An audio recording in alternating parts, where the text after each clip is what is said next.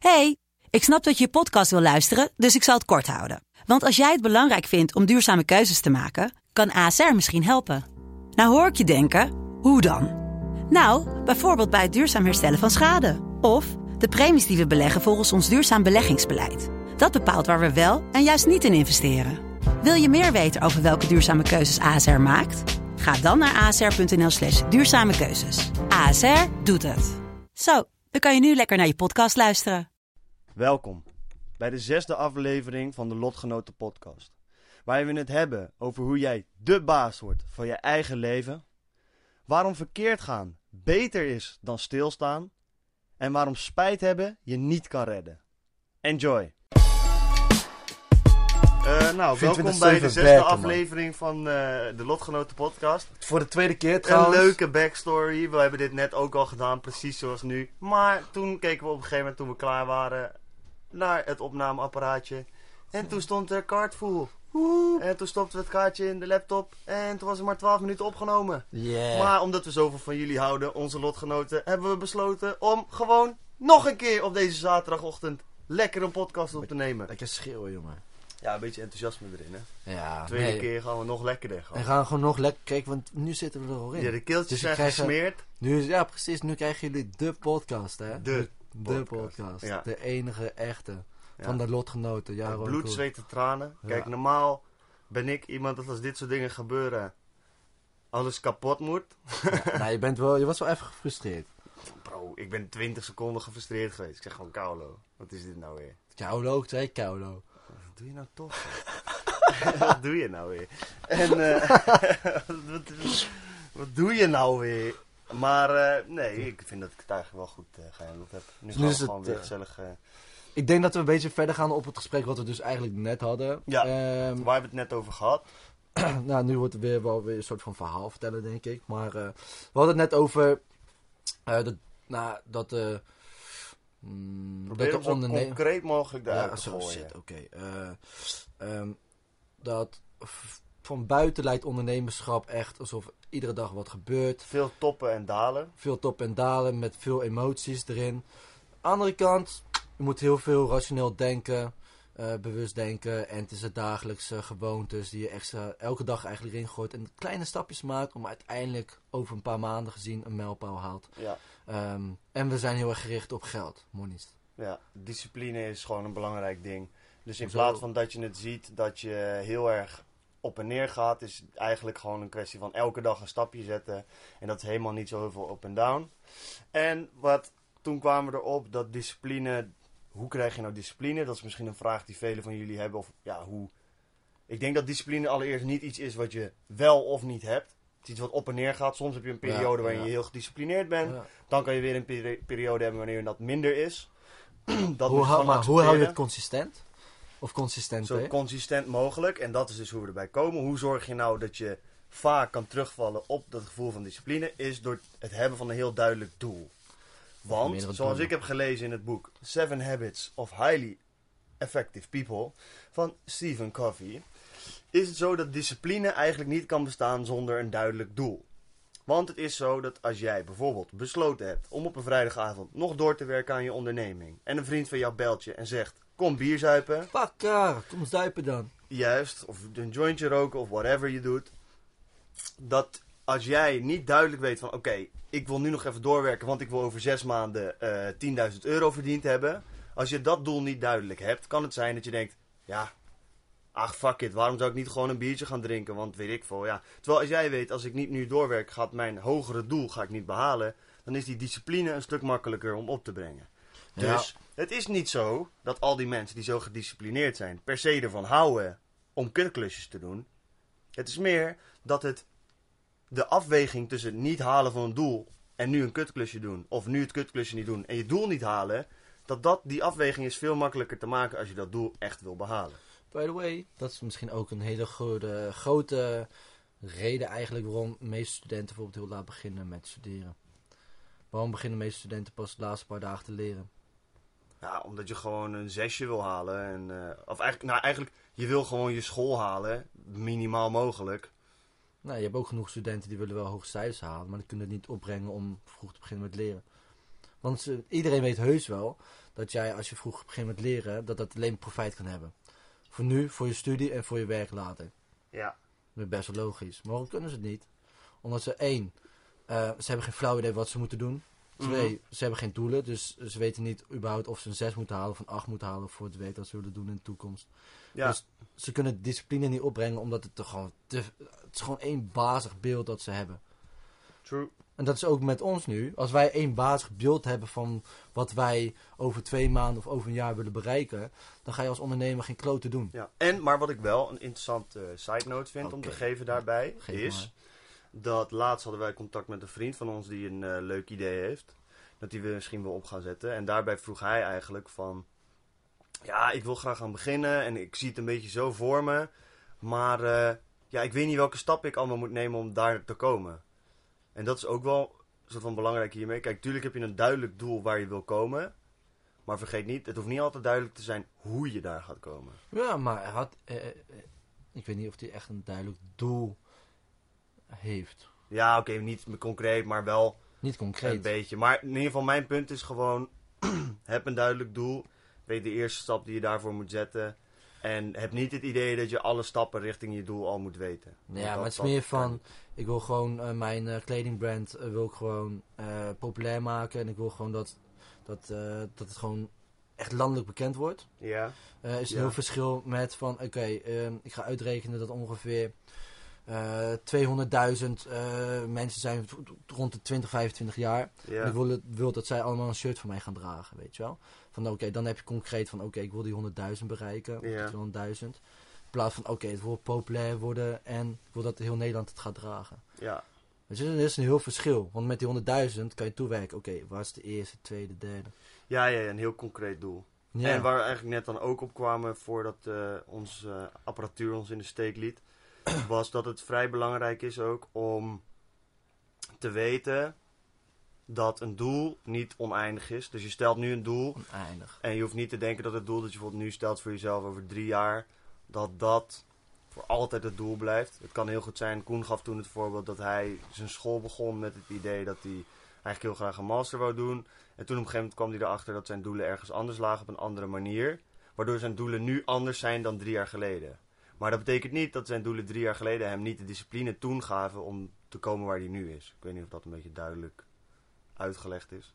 Ja, best wel. Ik denk dat... eh, eh, Dus mijn doelen doel- zijn veranderlijk. Dat is eigenlijk. Ja, mijn doel eerst was om dus een master te gaan doen, moest bepaalde cijfers verhalen. Op een gegeven moment was ik gewoon klaar met mijn studie en toen wou ik echt met het project, dus wat nu mijn werk is, gewoon verder gaan. Ja. En eh, daar kan ik een veel groter doel bij stellen en dat doel eerder bereiken, Mhm. eh, qua geld, om even zo te zeggen. Dus eh, ja, daar heb ik daarvoor gekozen. Precies. En toch heeft dat vorige doel, dat nu niet meer je doel is, je wel toen heel veel discipline gegeven. Discipline, kracht, ik heb er veel van geleerd en nog steeds wat ik destijds heb gedaan, daar heb ik nu nog steeds profijt van. Ja, precies. Oké.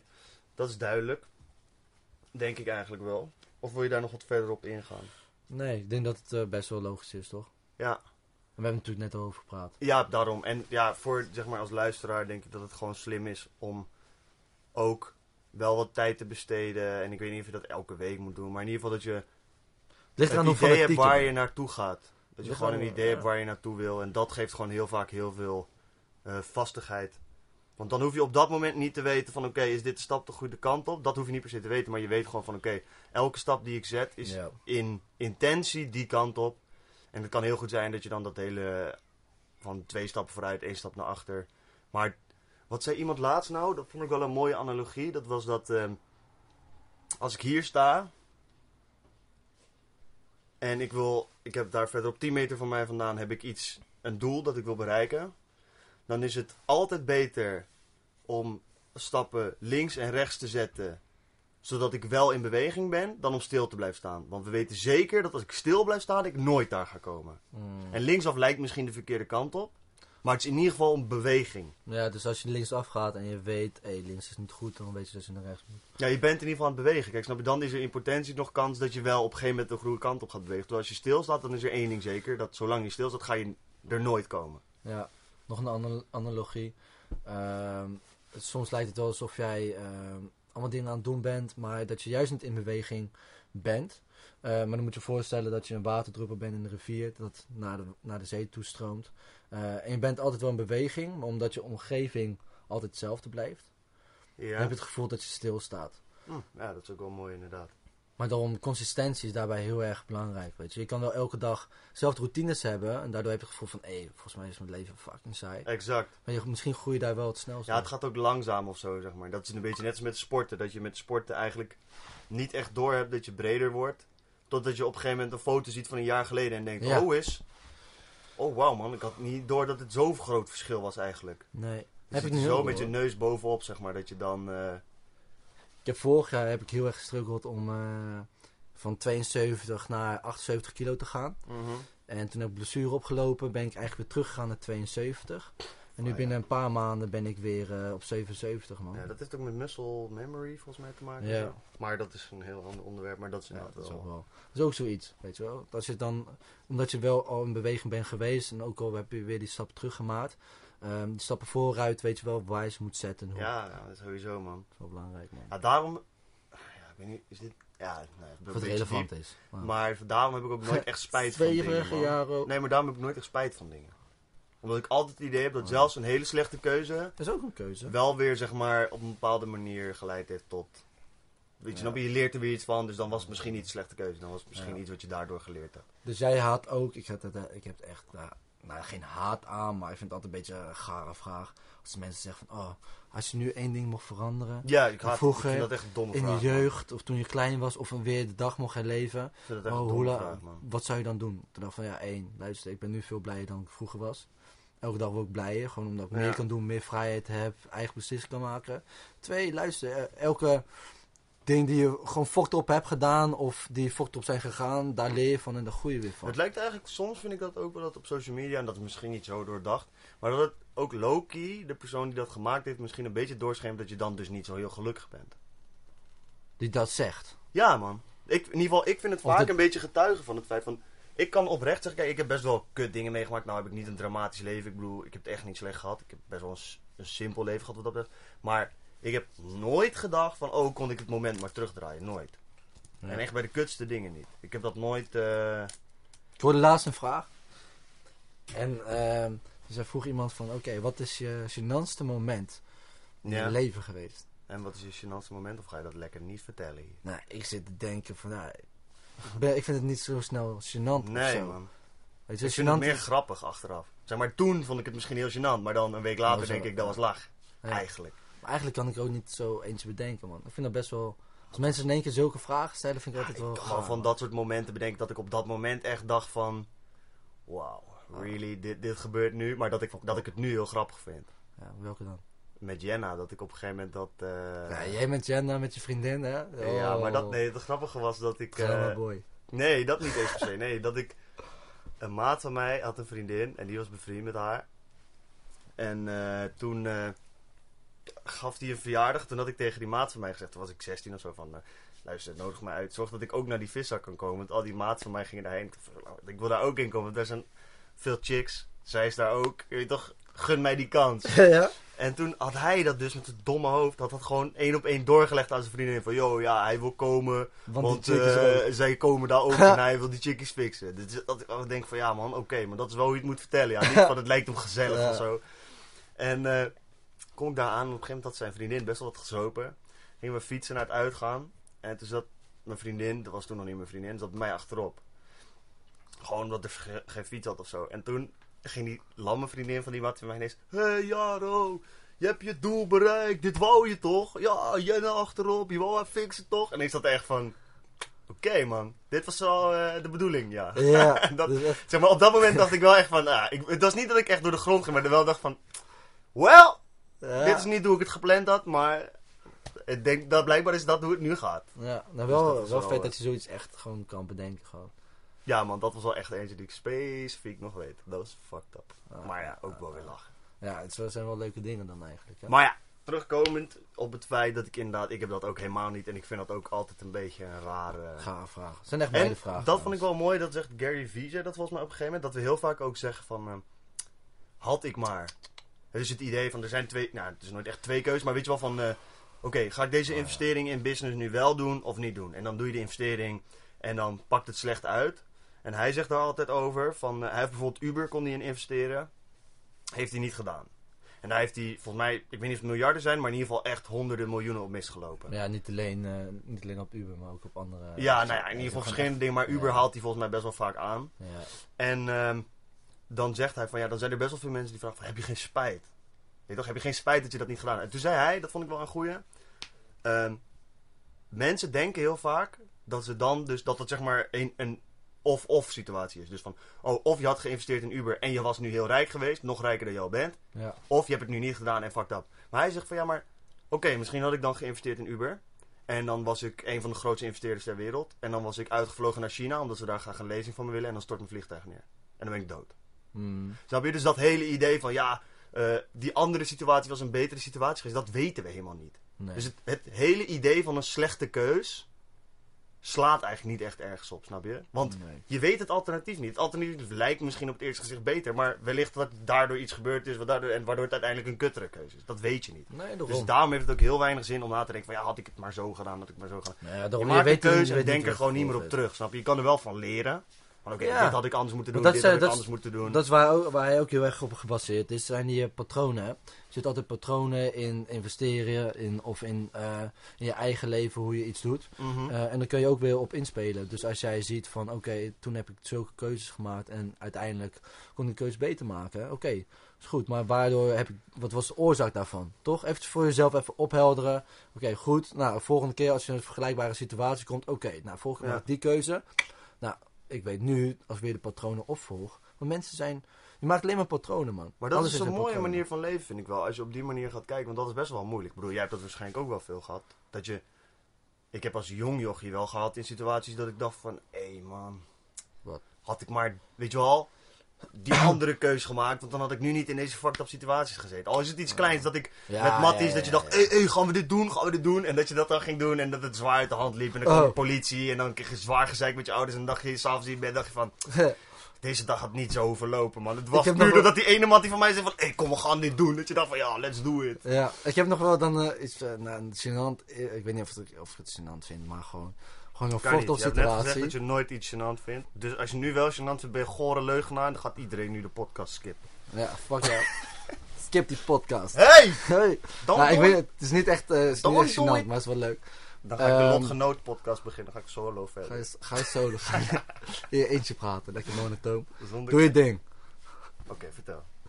Nou, ik heb wel eens gehad dat ehm, vroeger toen Twitter nog eh, in was, aan was. Ik heb nooit Twitter gehad, weet je dat? Nee? Of ik heb het wel gehad, maar ik- mijn eerste tweet was Twitter is kut. En daarna heb ik alleen maar letters getweet. Omdat ik dacht, blijkbaar hebben mensen veel tweets. Dat is aan. En daarna heb ik het geskipt. Ja, Cool, hè? ja, ik, zat, ik zat er wel op, maar ik heb mijn tweets ook teruggekeken. Heb je niet verwijderd? Ik heb het op een gegeven moment verwijderd, man. ik, ik Ik, weet dacht van niet. ja, man, ik hoef niet dat als iemand Jaro knop op Twitter intypt, dat je dan ziet, Twitter is kut. En dat dat het enige is. En daarna alleen maar letters en dan volgens mij nog iets van weekend met mijn niffo. Dat ik dacht, nee man, dit zijn niet Dat is dingen. het slaan. Zulke droge shit, man. Maar van een jochie van 12 of 13. Juist. En ik heb nog wel eens gehad dat, eh, dat dan eh fitty kreeg op Twitter. Ja, mensen hebben fucking veel beef op Twitter. Twitter Maar is echt de dus- plek om beef te settelen volgens mij. Maar ik was dus, eh, ja, ik word niet snel boos of zo, maar het was dus op Twitter, ging iemand stoer doen. Ik ging daar gewoon dom op in, want ik dacht van ja, ik laat niet over meelopen. op dacht van, Twitter. Zo, jo- zo, ja, precies, zo'n jochie van 14, Ja, dat niks kan maken, Ja, weet je wel. Ik ben veel te lief daarvoor. Ja. En eh, eh, toen werd ik op een gegeven moment, wat was het? Ik weet niet of ik werd gebeld of die jongen die, die appte mij in één keer. En die wou dus echt beef gooien. Gaan we gewoon vechten. Dus hij wou vechten. dus ik zeg, ja prima, kom naar mijn school toch? Kom maar naar mijn school op vrijdag, bam, bam, zo laat. Ik dacht, yeah, ik ga gewoon al mijn vrienden erbij roepen.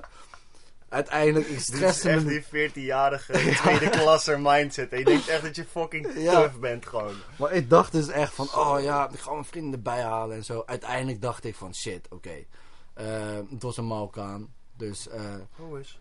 Eh, hij had nog eh 30 vrienden die hij mee zou nemen. En dat hoorde ik ook. Ik dacht van, ja, eh, eigenlijk is het helemaal niet slim. Eh, bepaalde, mensen erachter, ra- bepaalde vrienden en mensen kwamen erachter en die zeiden van, ja, jochie, wat ben je nou mee bezig? Je gaat nou normaal. kapot gesloopt worden.